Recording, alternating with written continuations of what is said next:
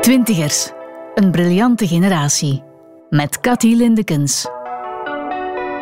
Ik ben Ayere Noor. Ik studeer nu farmacie. En kort over mezelf kan ik zeggen dat ik uh, een zeer spontane, gekke persoon ben die eigenlijk vaak overdrijft. Toen ik een twintiger was, was de wereld in Vlaanderen bijna helemaal wit. Vandaag leven de twintigers hier, zoals over de hele westerse wereld, in een veelkleurig universum. Van jongeren van wie de hele stamboom Belgisch is, over gezinnen die ons met veel soorten arbeid zijn komen helpen, tot jongeren die alleen of met het hele gezin gevlucht zijn uit conflictgebieden en hier een heel nieuw leven hebben opgebouwd.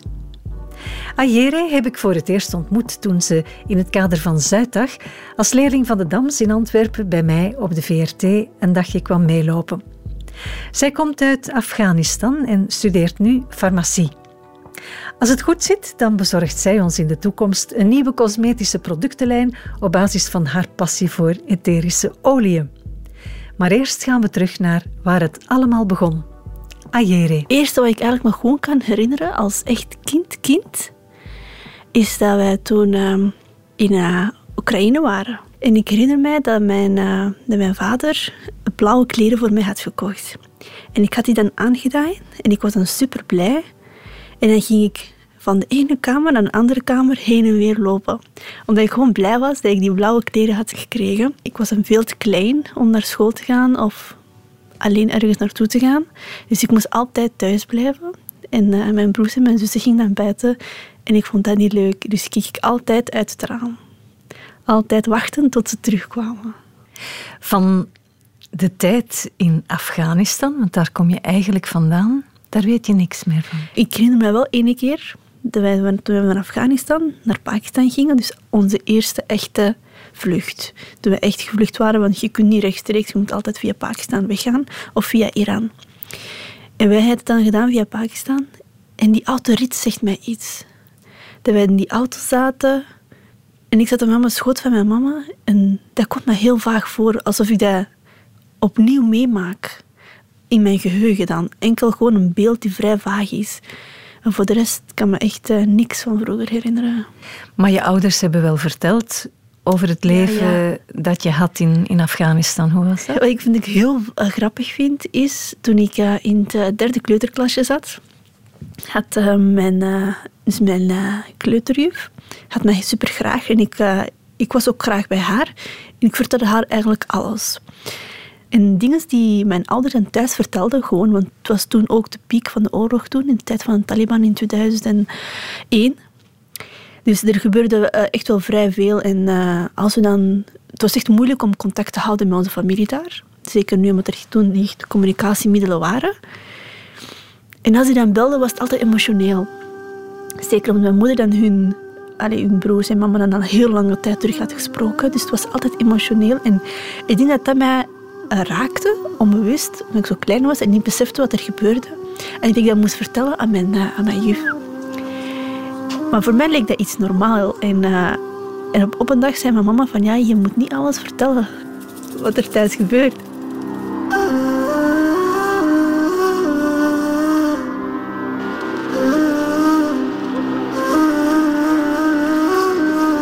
Mijn ouders vertellen superveel verhaaltjes die dan meegemaakt. Of gewoon aan, als we bezoek kregen. Of we hadden dan zo andere Afghanen die je leren kennen. En dan vertelden die over hun reis. En dan vertelden mijn ouders over hun reis en wat die meegemaakt. Want in zo'n tocht maak je superveel mee. Bijvoorbeeld een verhaaltje dat mijn moeder vaak vertelde. Dat een, uh, er een vrouw was en ze had een zoontje.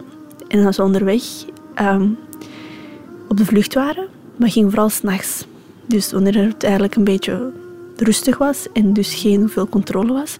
Maar ja, s'nachts moet je dan niet veel lawaai maken. En dat er een kind was en die ging dan superveel huilen. Maar dan is er altijd zo een leider, dus de mensensmokkelaar, die dan zei tegen die moeder en kind van ja, geef dat kind aan mij. Uh, ik hou die wel vast, want bij jou is die precies heel onrustig, want als iemand ons hoort, dan zijn we allemaal gepakt en niet alleen jij. En dus die man had die kind dan vast. En dan die kind wou natuurlijk niet stoppen met huilen. Heeft hij zo'n hand voor die mond gedaan van dat kindje, maar die is dan zo gestikt. Ja, dan heeft die man voor de rest van zijn leven schuld aan dat kind. Eén moeder kapot van zijn zoon. En die vrouw zien we nog altijd. ja, die heeft daarna geen kinderen meer kunnen krijgen. En dan denk ik van, och. Of een ander uh, verhaaltje dat ik ook verschrikkelijk vind, dat een, gewoon een vrouw haar kind moest achterlaten. Wat gewoon niet kon. Of ze heel moe was. En dat ze ging slapen en ze wou een beetje weg van de rest. Want je bent meestal in een uh, groep dat je samen wegvlucht. En dus één of twee mensensmokkelaar. En dan de rest van de groep, vooral vrouwen en kinderen dan. En dat zij zich aan de kant zetten, dat was natuurlijk in een bos. En er zijn uh, niet alleen maar mensen en ook dieren. Dat haar kind weggenomen is door een dier of wat dan ook, of door, door iets anders. We weten niet. Dat gewoon, haar kind was er niet meer toen ze wakker werd. Het was hoe dan ook gevaarlijk. Het was gevaarlijk, zeker en vast. Uit welk gezin kom jij? Ik kom uit een vrij grote gezin. Um, we zijn met zes kinderen thuis. Dus in het begin, toen we tot we hier waren, was mijn klein broertje er niet. Dus was ik wel de jongste. En uh, het was altijd rustig. In Afghanistan leefden wij heel groot. Uh, we leefden in een, uh, met dus mijn papa en zijn twee broers leefden samen. Mijn grootouders. Dus daar was wel altijd veel volk. Mijn vader en mijn onkels gingen dan weg. Als je dan alleen overbleef, was het echt... dus dan had je mijn opa die er altijd voor ons was en mijn oma. En, ja, en mijn mama had dan haar zus, maar ze was ook daar in ons huis. Je was er voor elkaar. En dan toen we naar hier kwamen, waren we alleen. En ik denk dat ik dat al niet besefte. Mijn, mijn zus en ze ook niet, maar mijn moeder vond het super erg. Want ze was helemaal alleen. Ze had geen broers, ze had geen zussen, geen moeder. Dus ik denk dat het voor haar een heel moeilijke tijd was. En dat was nog de tijd dat er nog brieven werden geschreven. Dus een brief schrijven, drie maanden antwoord. En dat was of bellen ene keer. Dat ging gewoon niet. Dus elke keer dat er gebeld was, was altijd uh, emotioneel. En ik denk dat het hoe moeilijk voor mijn moeder zou moeten geweest zijn om zo helemaal alleen heel, iedereen achter te laten en dan hier te komen. Waarom is je vader moeten gaan vluchten? Uh, onze grootste reden was toen mijn, uh, mijn onkel uh, voor onze ogen is gestorven. Dus we waren dan eigenlijk gewoon in, een, in onze tuin.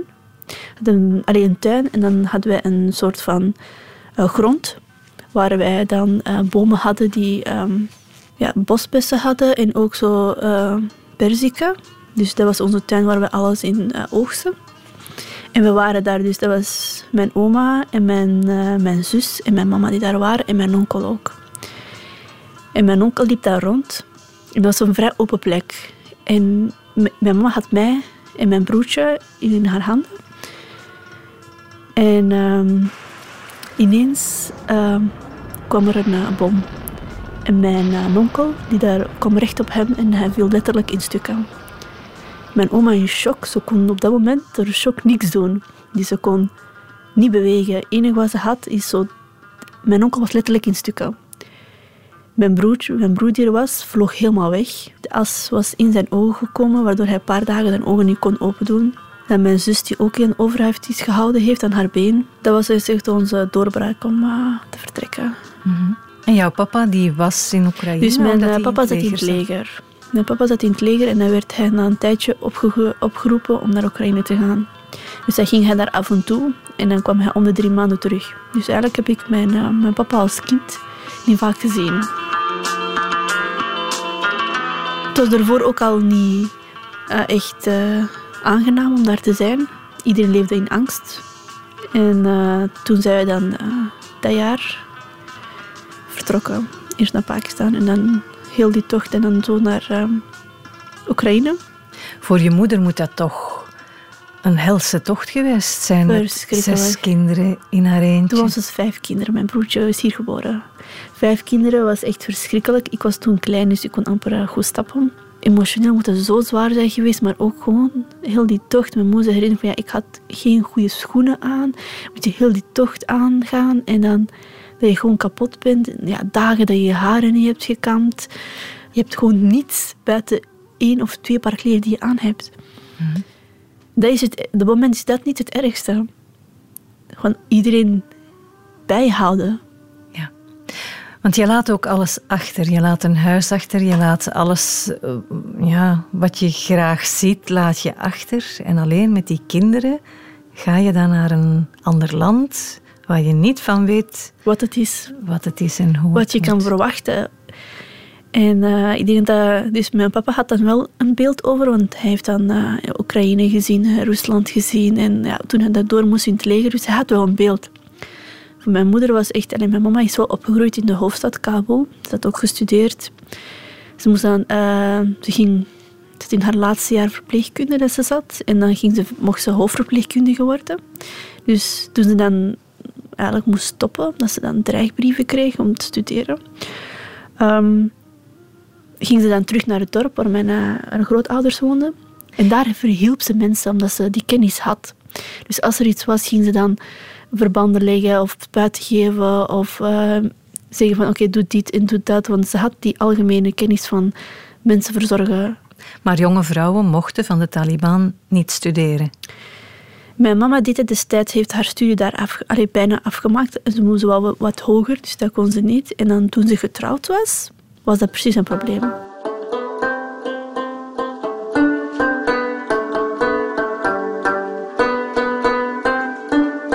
Mijn, uh, mijn mama heeft haar vader op heel jonge leeftijd uh, verloren. Maar echt verloren in die zin van, ze weet niet wat er mee gebeurd is. Ze hebben hem meegenomen en daarna is er nooit meer iets van teruggekomen. Ze hebben, dan kwamen er vier of vijf man terug en met een uh, doek en kleren van, van, van hun vader, dus van mijn grootvader. Dus mijn moeder weet niet wat er gebeurd is met zijn vader. Dus ze was toen 13 jaar. Toen was toen, mijn mama was de oudste. Dus mijn oma heeft toen harde tijden meegemaakt om dan echt zo zelf zo gewoon te naaien of dingen te doen om brood op tafel te krijgen. En dan zouden haar kinderen uh, iets werden, zodat ze mensen konden helpen. En dat ze ook voor hun eigen konden zorgen. En uh, dus ja, mijn onkel heeft het dan zijn best gedaan en mijn tweede onkel ook.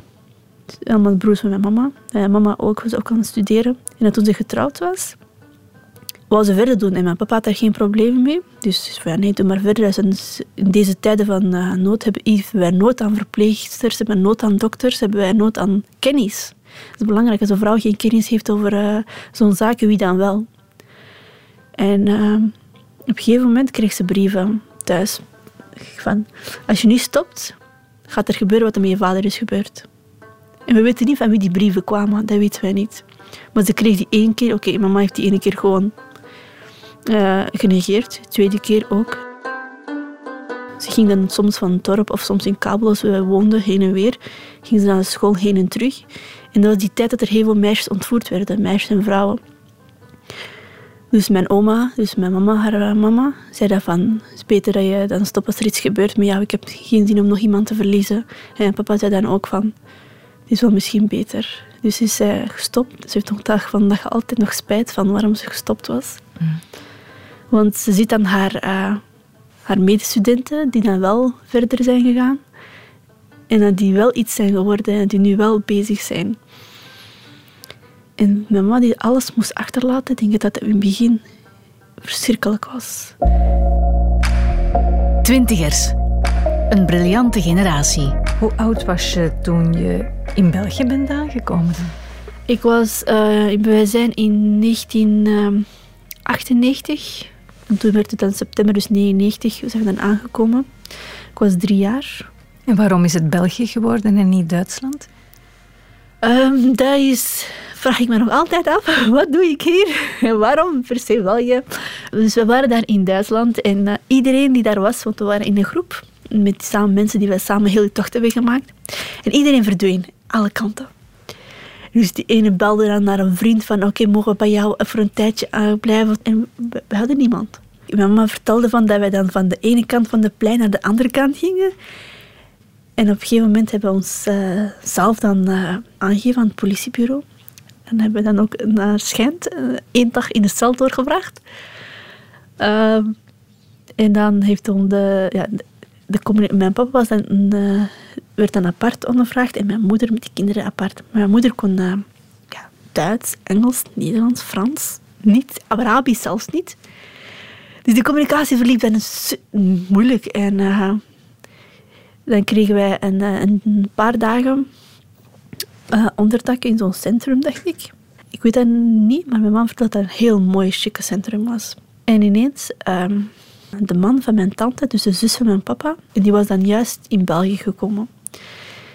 En die belde van, ja, kom naar hier. Het is hier een goede plek en uh, goed voor de kinderen, dit en dat. En mijn papa overtuigd. Zijn we in, uh, in die vluchtelingencentrum, daar uh, beland. Zes maanden daar. Maar dus voor hetzelfde geld was Ayere nu in Duitsland aan het studeren? Ja. Ik zeg nog altijd tegen mama, stel we waren daar gebleven, we waren helemaal andere personen. Dat doet veel.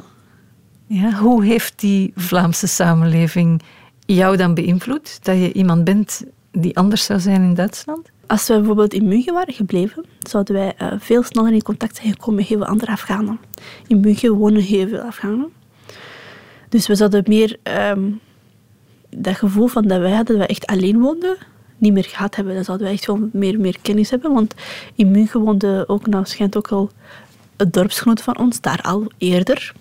En ook heel goede vrienden van mijn papa. Dus dan zouden we met hun sowieso contact hebben gehad. Terwijl wij hier waren, hadden we alleen maar ons en die ene man van mijn tante met die twee zonen. Dus uh, dat zou helemaal anders zijn geweest. Ben je dan niet verplicht om, om meer mensen te leren kennen die geen Afghanen zijn? En, Toen. En, en begin je... Ja? Uh, dus ik woonde vroeger in, echt in het stadje Antwerpen. Toen we in het begin daar aankwamen. En voor mij was het raar als ik met een Afghaan in de klas zat. Waar zat ik toen op school? In, in Lange Beeldenstraat zat ik toen op, in de eerste in de kleuterschool in Pothoekstraat. Dan in Lange Beeldenstraat. En dan hadden wij alle soorten verschillende nationaliteiten. Maar toen ik in de kleuterschool zat, vond ik dat super raar. Dus mijn klas was echt verdeeld in drie groepen. Belg, Turk, Marokkaan. En ik was de enigste Afghaan daartussen. En dan hadden wij, uh, ik herinner me nog in de kleuterschool, dat wij dan een, uh, een culturele avonddag hadden. En dan gingen we filmpjes kijken over andere culturen. En iedereen moest, nee, dus ene helft had dan alles van de Turkse gemeenschap, de andere van heel van de Marokkaanse gemeenschap. En dan die, die Belgen, die hadden hun Belgische kost. Dat was ik. En dan moest ik echt kiezen van welke van de drie vind je leuk? Welke is drie van is het beste? Je bent dan naar een, uh, een streng college gegaan, de dames van het christelijk onderwijs. Ja. En dat was inderdaad een uh, strenge school.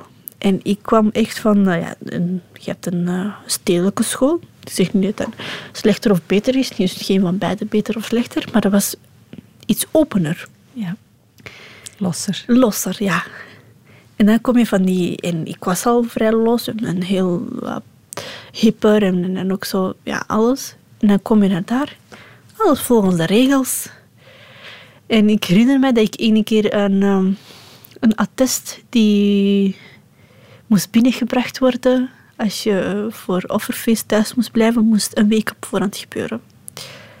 Ik dacht dus toch niet zo'n probleem als ik dat paar dagen voorhand doe of de dag zelf binnenbreng of zo. Ik moest één maand nablijven. Eén maand, elke dag tot zes uur. Wauw. En die school, ik herinner me nog, dat was echt, uh, toen ik begin er aankwam, het was uniform.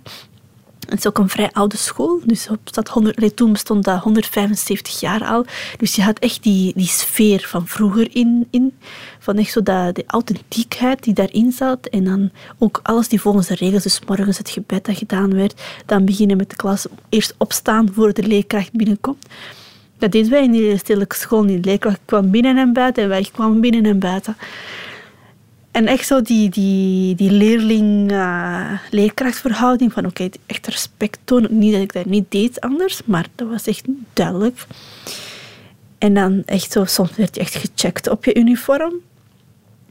En dan ging je naar de misviering. En dan in het begin van het schooljaar, precies zo... Uh, in het begin van het schooljaar gingen we naar de kerk. En uh, tijdens Pasen, tijdens kerst. En aan het einde was dan ook zo de misviering en zo. Dat was een heel andere sfeer. En... dat geeft u een beetje een structuur in uw uh, leven, denk ik. Algemeen van, het kan ook met regels, maar het kan ook zonder regels. Het is maar zelf hoe je het goed aanpakt. Mm-hmm. En het had een eenheidsgevoel, vond ik. Iedereen had die uniform, het was iedereen hetzelfde. Ik vond dat echt positief iets van iedereen. En ik had, voor mij was dat natuurlijk super. Ik moest niet kiezen wat ik moest aandoen morgens. Het was die hemd ik kon zelf de kleur niet kiezen. Lichtblauw, donkerblauwe blouse, rok of broek was voor mij dan enige keuze. Maar ik droeg niet zo vaak de rok, enkel in speciale dagen. In het begin van het schooljaar droeg ik de rok. Als er een speciaal bezoek kregen, als we de fotograaf langskwam, als we naar de misviering gingen, of als ik een speciale presentatie moest doen. Dus voor mij was dat echt wel simpel. En ik vond het eigenlijk wel echt uh, positief.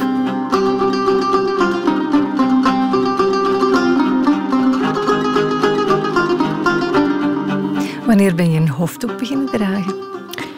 Wanneer ik echt uh, een hoofddoek begon te dragen, ik, ik had het een tijdje in mij dat ik het wou dragen. Maar um, ja, als je dan in de vormschool gaat en bij ons op school moest dat zelfs in een straal van vijf meter, zelfs niet. Dus ik kon het zelfs niet onderweg. En ik vond, en onze school was op de meer, dus ik kon het niet echt op de meer aandoen. Dus ik droeg het dan uh, toen ik uh, 14, 15 jaar was, gewoon af en toe. Ik zo, wanneer ik niet naar school moest of zo. Maar het was niet echt zo vast. Het was zo, denk ik meer om eraan te wennen, dat idee van hoofddoek. En dan, um, nu ik wat iets ouder ben, begon ik het dan wel na school dan wel te dragen. En echt effectief op mijn achttiende, altijd vast. Was het echt op mijn achttiende. Ik zou er misschien eerder aan begonnen zijn, moest ik niet op zo'n school hebben gezeten. Waar, want ik heb ene keer een uh, situatie meegemaakt dat ik echt denk, ik zal het vandaag gewoon niet vergeten. Um, dus ik droeg dan, een, toen ik 15, 16 was, droeg ik dan een sjaal. Echt zo gewoon. Het was ook donkerblauw, marineblauw, zoals het moest. En ik kwam van school en uh, ik had het gedaan en we hebben een steegje waar niemand komt en dan kom je op de mer. Dus ik vond het niet leuk, niet zo prettig om op de mer, op de mer zelf een hoofddoek op te doen. Het is niet dat ik het heel zo strak droeg of zo, maar het was echt zo over je hoofd en dan zo zorgen dat je hals niet zichtbaar is. Dus ik pakte mijn hoofddoek en ik wou het opdoen. En ineens komt er een leerkracht in mijn klastularis voorbij. En ze, ze zegt van, ja, je mag het niet dragen. Ik zeg zo, maar waarom niet? Ik zeg, je gaat dat nu uitdoen. Ik ga niet weg voor je het uitdoet. Ik zeg, maar we zijn nu buiten school. Het is zelfs nu vijf uur, want ik had toen een achtste uur. En ze ging niet weg voor ik het uitdeed. En ja, ik heb het dan toen uitgedaan en ben dan gewoon verder gestapt. En ja, die leerkracht was, was, was ervoor... Ze was wel vrij feministisch, maar ik denk niet dat een hoofdstuk iets te maken heeft met feminisme. En ze was vroeger heel rustig tegen mij. En op dat moment dat ze dat wist, was het echt zo afstand.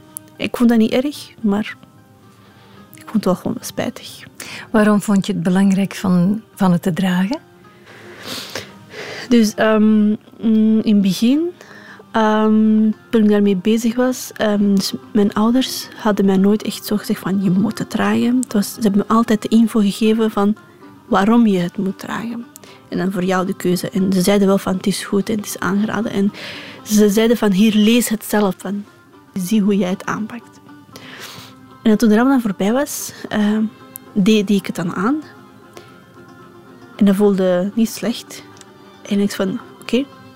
voelde juist. En ik van oké, dit ben ik. Op school, als ik op uitstap ging of op vakantie ging met school, dan uh, was het niet. En um, dan begon ik het vast te dragen. En dan ging ik ook naar Tunif. En echt dan goed vast dan, zoals het nu is. En dan had ik wel echt wel uh, last van mijn uh, haren, die dan super droog werden. Mm. Want dan krijg je die want ik ging dan morgens om acht uur binnen op school. En had ik dan zo lange dagen practica. En dan terug om uh, 18 uur, terug uit. En dan nog terug thuiskomen was het 17 uur. En dan was het bijna elke dag zo van die lange dagen. En dan heeft u eigenlijk uw haar eigenlijk 12 uur vastgezeten in die hoofddoek. En dan had ik echt in het begin wel echt wel uh, nood aan frisse lucht in mijn haren. En dan ging ik het gewoon als ik zo thuis was of zon was, ik zo mijn haren echt letterlijk met mijn haren in de zon zitten. Maar ik denk dat voor mij was dat echt zo vanzelf gekomen waar ik ze begon te dragen. Ik heb daar niet zoveel voor moeten nadenken. Ik ben een moslim. Um, ik, ik geloof.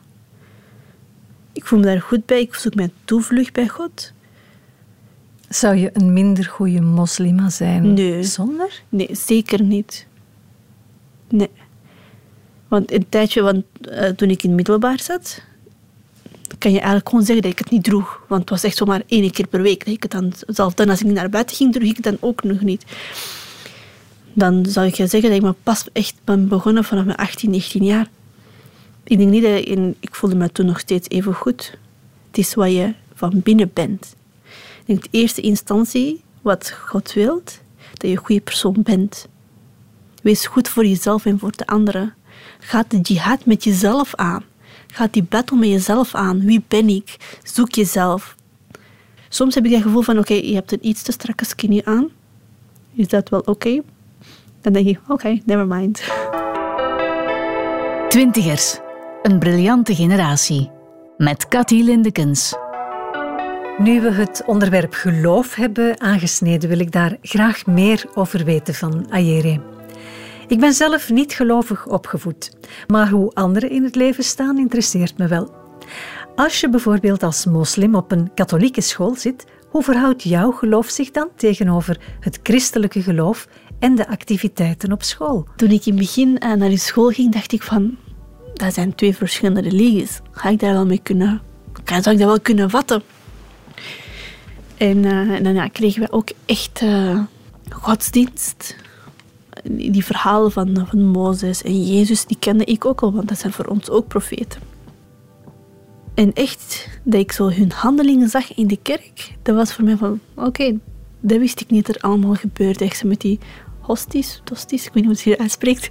En dan echt zo uh, wat die priester doet en dan opstaan en dan dat zeggen, dan terugzitten. En dan... Maar ergens kan ik dat allemaal vatten perfect, want wij hebben dat ook. Hm. Bij ons gaan, allez, je kunt, zowel vrouwen als mannen kunnen naar de moskee gaan en wij hebben ook manier van, dit moet er allemaal gebeuren, dit moet er gedaan. Dus een manier van liefde tonen aan God, manier van regels. Regels zijn er om nagestreefd te worden in verre hoe je het kan. Als er een geboorte is, gaat er dat gebeuren. Bij ons ook, als er geboorte is, gaat er ook ineens een azaan in de oren. Dan heb je 40 dagen, dan gebeurt er dat. Dan word je groter, dan moet je dit leren. Dan ga je dat, ga je moeten bidden. Dan moet je dan verder, moet je... Zowel jullie hebben dat, zowel wij hebben dat. Het is gewoon een andere manier. Maar als je, als je gewoon puur de principe van de religie bekijkt, is dat hetzelfde. En hoe verhoudt zich dat tegenover mensen die niet geloven? Ik denk dat dat een groot verschil is. Mensen die niet geloven, ja, die, die, weten, die zeggen van ja, ah ja, God bestaat niet. God is er niet. Dat kan niet. Want we zien hem niet. En wij hebben dan wel een troost. Als er iets aan gebeurt, of er iets is, of we weten van, ah ja, we sterven, dan gebeurt het dat met ons. Dus geloof is vooral troost, troost en, hoop. Hou vast en ja, hoop. En hoop, vooral hoop van, hij is er, hij hoort mij, hij ziet mij. En als je niet gelooft, denk ik van, wie is er dan?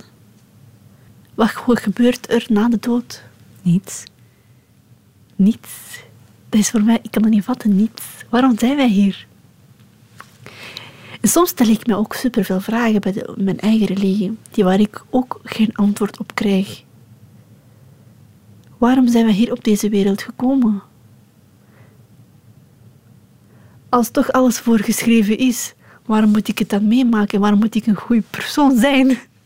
Als, ik, als toch weet dat dat gaat gebeuren. Mm Zo heel veel vragen die ik bezit. Ga, en dan vooral met de wetenschap waar ik me in zit. Ik moet geloven en leren Darwin's theorie. Aan de andere kant moet ik ook geloven en leren dat God ons geschapen heeft. Maar botst dat met elkaar in je hoofd? Het uh, botste niet na lange tijd tot ik onlangs een lezing heb gehad over religie en wetenschap. En ik kon dan vroeger altijd wel een plek geven. Want uh, biologie was een van mijn lievelingsvakken. En zeker over de, de evolutie. En ik had daar superveel vragen over. Van eigenlijk, oké, de aarde is ontstaan door een kanaal. Maar hoe komt die zwaartekracht? Hoe komt al die dingen? Hoe is dat er? En um, ja, daar kon ik altijd een hele discussie mee aangaan met mijn fysica leerkracht. En uh, ja, ze vond dat natuurlijk niet altijd even prettig, maar uh, het was altijd leuk om zo'n gesprekken te hebben dat je brein zo nadenken. En dat vind ik zo... Dat is zo echt van, wow, oké. En uh, ik geloofde, want we zijn geschapen door God. Adam, Eva, die zijn er en zo zijn wij gekomen. Dus dat was, had ik een plaats gegeven. En had de wetenschap. En voor mij was, ah ja, oké, je moet dat gewoon leren. Ik had dat beide eigenlijk zo gescheiden gehouden. En ik kon daar, het was eigenlijk vrij goed in balans. En dan uh, was, ik, was er onlangs een, een, lezing over geloof. en wetenschap, maar echt dan in de zin van evolutie.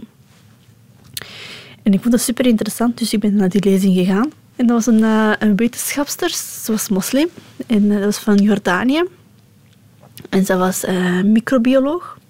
En ze begonnen te vertellen van dat er eigenlijk bijvoorbeeld mieren zijn die eigenlijk maar twee dimensie kennen. En niet driedimensioneel kunnen zien en denken. Dus als je dan iets van bovenuit zet, gaan die ook denken, ah, dat is een mirakel. Want die weten dat niet, dat er een derde dimensie is. En dan zei ze van, dingen die niet kunnen verklaren, die we niet kunnen verklaren, geven wij toevlucht, zoeken wij onze toevlucht bij God, want hij heeft dat gedaan, omdat wij niet weten dat er is. En dat was voor mij echt zo error. Nee. nee, nee. En, en ja, ze zei van, je moet gewoon blijven denken. En blijven openstellen voor andere dingen die er zijn. En ik, dat concept snap ik volledig. We zijn mensen. We moeten blijven denken. En je moet, ook al krijg je info, je moet dat niet zomaar van papegaaienwerk aanvaarden en het is, zo, het is zo klaar. Nee, je moet daarover denken. Kan dat wel? Dit is dat. Hoe denk ik erover? Hoe denk jij erover? Begrip tonen. Ook je eigen, je eigen visie daarover geven. Maar haar manier van denken was echt zo voor mij van... Oké, met jou ben ik het niet eens. Irriteerde mij een Uit beetje. je evenwicht gebracht. Ja, alsof ik iemand mij zo een beetje geschud had en ik kon in een moment wel langs de ene kant of de andere kant vallen. Als ik dan tijdens de les biologie zat of uh, tijdens heel veel evolutietheorieën gezien, ik vond dat vrij interessant. En ergens kon ik dat wel vatten dat het zo ging, want de mens wil een verklaring voor alles. Dat is logisch. Ik snap dat wel, want iets wat, wat onbekend is, wat vreemd is, wil je weten van waar komt dit. Dus de mens, dus de mens is heel nieuwsgierig.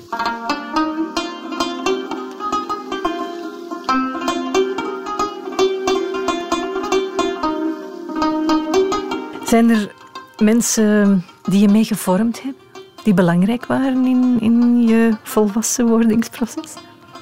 Uh, sinds het vijfde leerjaar had ik een, een heel goede directe klik met mijn, mijn beste vriendin. En we waren echt, we hebben eigenlijk alles samen meegemaakt. We hebben samen echt kattenkwaad uitgehaald en, en dan ook wel tot het besef gekomen van dat is eigenlijk wel niet juist. Mijn ouders zijn in de, de loop van de jaren ook wel een beetje losser geworden. Want je bent heel streng opgevoed. Ja, ik ben uh, vrij streng opgevoed. Maar ik vond dat op dat moment, als je erin zit, vind je dat vrij vervelend, denk ik. Allee, ik denk dat ik gewoon uit die tijd ben dat ik dat niet meer kan herinneren. Ik ben vrij streng opgevoed en uh, mijn, mijn, uh, mijn papa is van alles moet op zijn manier gebeuren. En uh, ik herinner me nog vroeger, toen ik klein was, en dus de Koran moesten leren. En ook mijn papa is, die vindt het heel belangrijk om je eigen cultuur en eigen taal niet te vergeten. Het logisch is. Zeker als je in een ander land bent, ga je dat sneller vergeten dan als je in je eigen land bent. Dus gingen we altijd zo uh, een taal die ik spreek is Pashto. Dus gingen we dan naar Pashto boeken lezen, moesten wij lezen, moesten wij thuis schrijven. En dan ging, kwam hij thuis van het werk, dan moesten we hem zo voorlezen en hadden we een soort van dictee. En ik herinner me die tijden nog. Oh, alles moest op zijn manier gebeuren en schrijven. Mijn papa heeft een super mooi geschreven. Ik denk niet dat er iemand aan hem kan typen aan zijn Arabische geschrift. Zijn Arabische letters geschreven. Maar hij wou dat wij dat ook hadden. Maar het gaat niet. en nou, ik, er zijn zo schriften die ik nog thuis heb liggen. Ik denk dat ik dat ga bewaren en later ga omkaderen. En dan ga ik... Dat wij een bepaalde letter pagina's vol hebben geschreven. zoals op school. Zoals op school, maar erger. Echt zo. En dan had hij ook zoals op school met stippenlijntjes getekend, hoe het moest. En dan moesten we dat helemaal uitschrijven. En schrijven. En vol, en vol, en vol schrijven. En dan kwam dan die dictee die hij had. En dan, als je dan dan een aantal fouten had gemaakt, vond hij dat het niet goed genoeg was. En dan moest je die bladzijde een paar keer, zes, zeven keer overschrijven. Met veel pijn met puntpapier wordt je geschrift zo mooi, vond hij. Blijven schrijven, blijven schrijven. En uh, de grammatica van, van de taal en, en, en het leren lezen. En echt zo, zoals je het op school zou doen, leren lezen, boeken lezen en niveau hoger boeken. Die dan... Soms vroeg ik me af, van waar kwamen die boeken? Had hij die dan meegenomen dan? Dan vraag ik me echt alles kwijtgeraakt, wij hadden die boeken niet. En dan vroeg ik me altijd wel af van waar die kwamen. Maar ik denk, de persoon die ik nu ben geworden, als ik die strenge opvoeding niet had, zou ik die persoon niet zijn. Zou ik misschien een heel andere persoon zijn en misschien helemaal losgaan en enjoy the good life. Ik weet niet wat ik zou doen. Maar ik ben eigenlijk ergens blij dat ik dat allemaal heb gehad.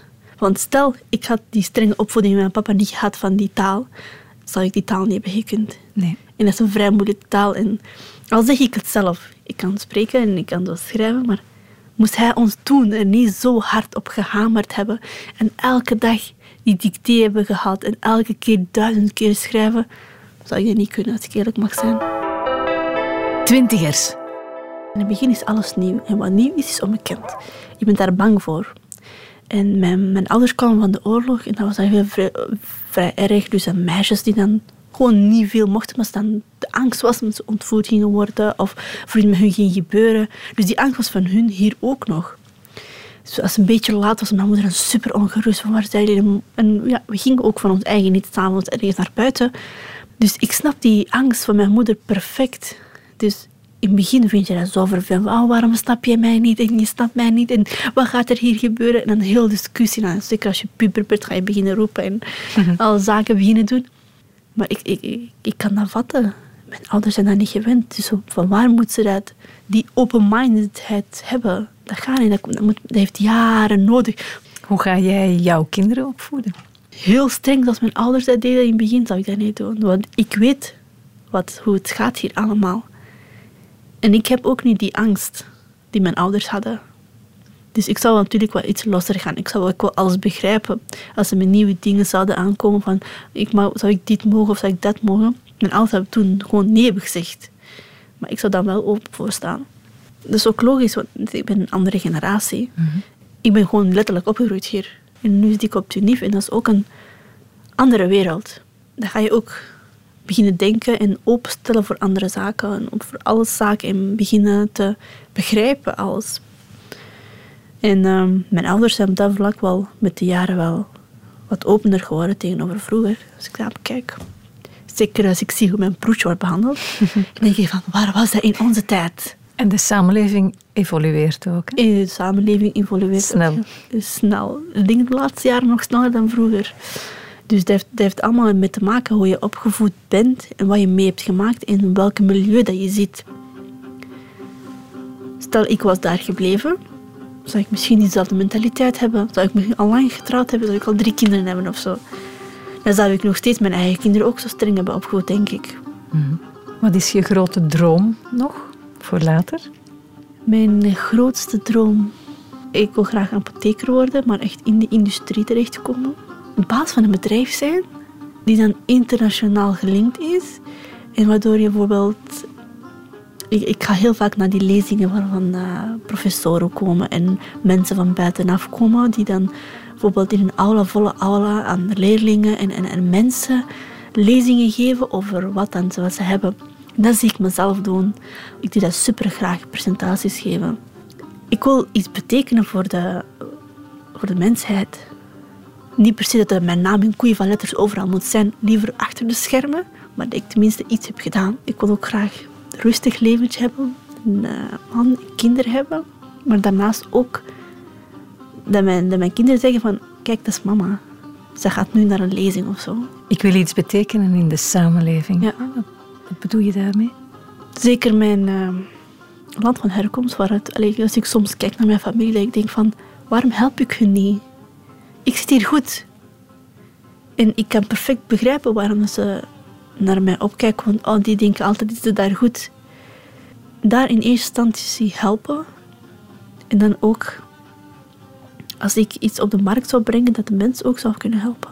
Je bent heel gefascineerd door uh, kruiden en, en geneeskrachtige Enorm, kruiden en bloemen. Zeker, en dat kwam zelf van toen ik uh, 13 jaar was, 13, 14 jaar was. Bijvoorbeeld. Dat kwam ook nog een beetje door mijn mama. Want uh, mijn mama, haar tante, zij wist superveel van kruiden. Dus als je, dan, dan, in het dorp bent, kan je niet even naar de stad gaan om medicatie te halen. Dan moest je het dan mee doen met wat je had. Dus die, die tante van haar had heel veel kennis over kruiden. Dus als je ziek was, kon je dat, dat, dat, dat gebruiken. Of als je dat had, kon je dat, dat nemen en dat, dat. En als ik nu bekijk, als, we, als ik nu die kennis heb van die medicatie die ik zie, dan wordt gewoon die kruiden gebruikt. Dat zijn die essentiële oliën, dat zijn die etherische oliën, dat zijn die kruiden. Maar gewoon in andere vorm. Er wordt gewoon een witte impuls aan toegevoegd en een beetje bewaarmiddel aan toegevoegd en een paar chemische stoffen om dat echt in tabletvorm te krijgen of echt in de zalfvorm te krijgen of in een zaka. Maar de essentie is echt... Het is de duizendplat, het is de ginkgo biloba, het is die honing. En uh, dus toen ik uh, vrij jong was, was ik daar helemaal mee bezig. En uh, die kruiden, en dan zat ik... Ik herinner me nog hoe dat begon. Ik ging naar de bib en ineens, ik kwam in die afdeling van uh, etherische olie. Dat was in Permeke. En dat was een openbaring. Ene boek naar de andere, ene boek naar de ander, ene boek naar de andere. Dat ik allemaal zag dat al die olie die, die, die, die, die waren, die bestonden. En al die kruiden die waar ik al eigenlijk van tevoren wist, die ook daarvoor gelden. Dan denk ik van, dat komt overeen met de kennis die ik heb, de kennis die mijn mama heeft. En ik kwam thuis met zes, acht, negen, tien boeken. Die kennis van de etherische olie en, en, en dingen wist ik allemaal niet. Maar die kennis van die kruiden had ik wel een beetje. En dan besefte ik zo'n beetje onbewust van... Uh, de leerkracht van Frans vroeg een keertje aan mij... Wat doe je als je een puist hebt? Maar ze dacht dat ik echt effectief ging zeggen... Ik haal een crème. En ik zei dat niet. Ik zei zo, nee, ik doe er tomaat op. En zij verschoot. Wat? Hier, tomaat? Ik zo, ja. Ik zo, ja, dat doet de roodheid weg, hoor. Eerste instantie. En dan gaat die uh, puist ook zo'n beetje zitten. En dan, dan een beetje uitdrogen. Als je dan citroen opdoet, is het helemaal verdwenen. Ik zo, hier, bent jij serieus bezig? Ik zo, ja, ja. En toen dacht ik van, oké, niet iedereen. Ik dacht dat iedereen dat deed. Maar blijkbaar doet heel weinig mensen dat. En toen waren er niet zoveel van die blogsters en al die dingen zoals nu.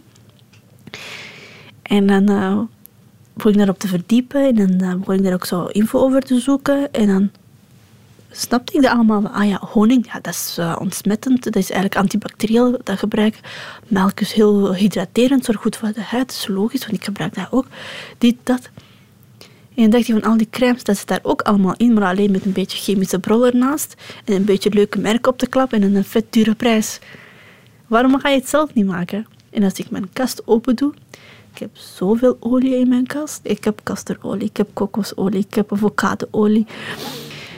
Elke keer als ik zakgeld kreeg vroeg, ging ik daar niet anders. Dan ging ik gewoon olie mee kopen. Zeker voor mijn haren. Ik heb jaren echt gezocht ik wou mijn haar dikker maken, ik wou mijn haar vermeerderen. Duizenden dingen zoeken, mengsels van olie maken, amla-olie gebruiken, casterolie gebruiken. Avocadomasker gebruiken, eieren toevoegen, Indische en, en uh, Chinese specerijen en, en, en die kruiden, die zijn echt, dat is een openbaring. Ik ging bij hun kijken, want hun hadden het meeste kennis erover en die hebben mooi haar. En dat heeft me wel jaren gekost, maar het is me gelukt. Dus jij brengt je eigen productenlijn ooit nog uit? Ik hoop het.